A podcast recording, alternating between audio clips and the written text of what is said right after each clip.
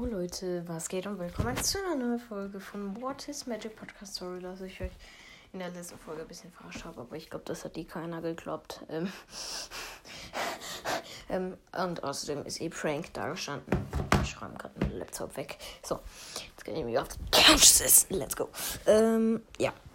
Aber heute gibt es meine fünf Lieblingsgames insgesamt, also auf Konsole, PC, alles.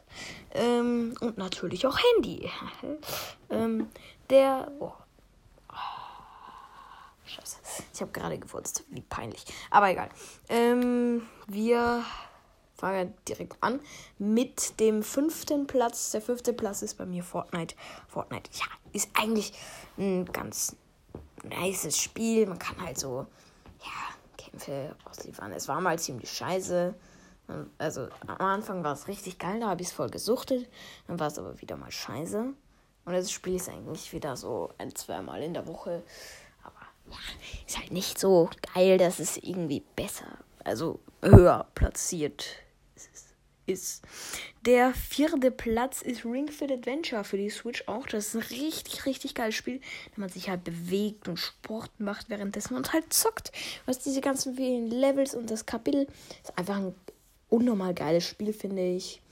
Ähm, das Cover kommt übrigens morgen, weil ich ähm, habe Sleep Time. Ja, mich hört jetzt eh wahrscheinlich keiner mehr. Aber, ähm, ja.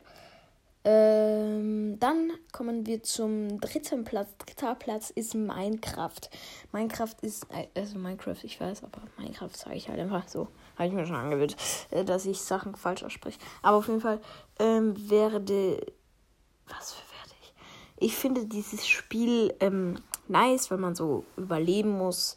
Rennst durch die Welten und du kannst in kreativ ganze Städte bauen. Habe ich sogar ein Projekt gestartet damit da gibt es leider keine Folgen, weil die Folgen zu lange dauern würden. Aber ja, Minecraft, richtig nices Spiel. Du hast doch immer dieselben Leben. Das heißt, du, außer das Erfahrungslevel ist anders und dass du vielleicht schon Diamanten hast. Aber ähm, es ist halt einfach, du bist immer mit deinem Freund auf demselben Niveau, so circa. Und ja, ist halt auch super zu zweit zu spielen und sowas. Ja.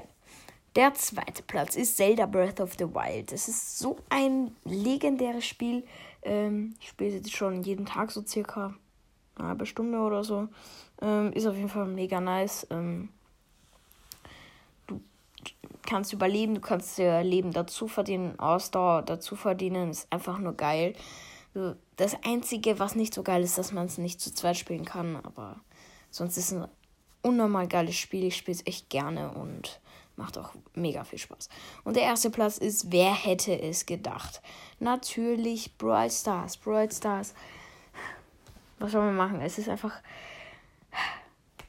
Was soll ich dazu jetzt sagen? Es ist einfach nur geil. Es macht viel Spaß zu spielen. Du hast immer was anderes. Die Updates verändern es immer. Also die Gears haben schon ein bisschen schlechter gemacht jetzt, aber ist immer noch ganz klar erster Platz. Einfach ein geiles Spiel. Es macht einfach nur Spaß zu spielen und ja. Das war's mit dieser Folge. Ich hoffe, es hat euch gefallen und ciao, ciao.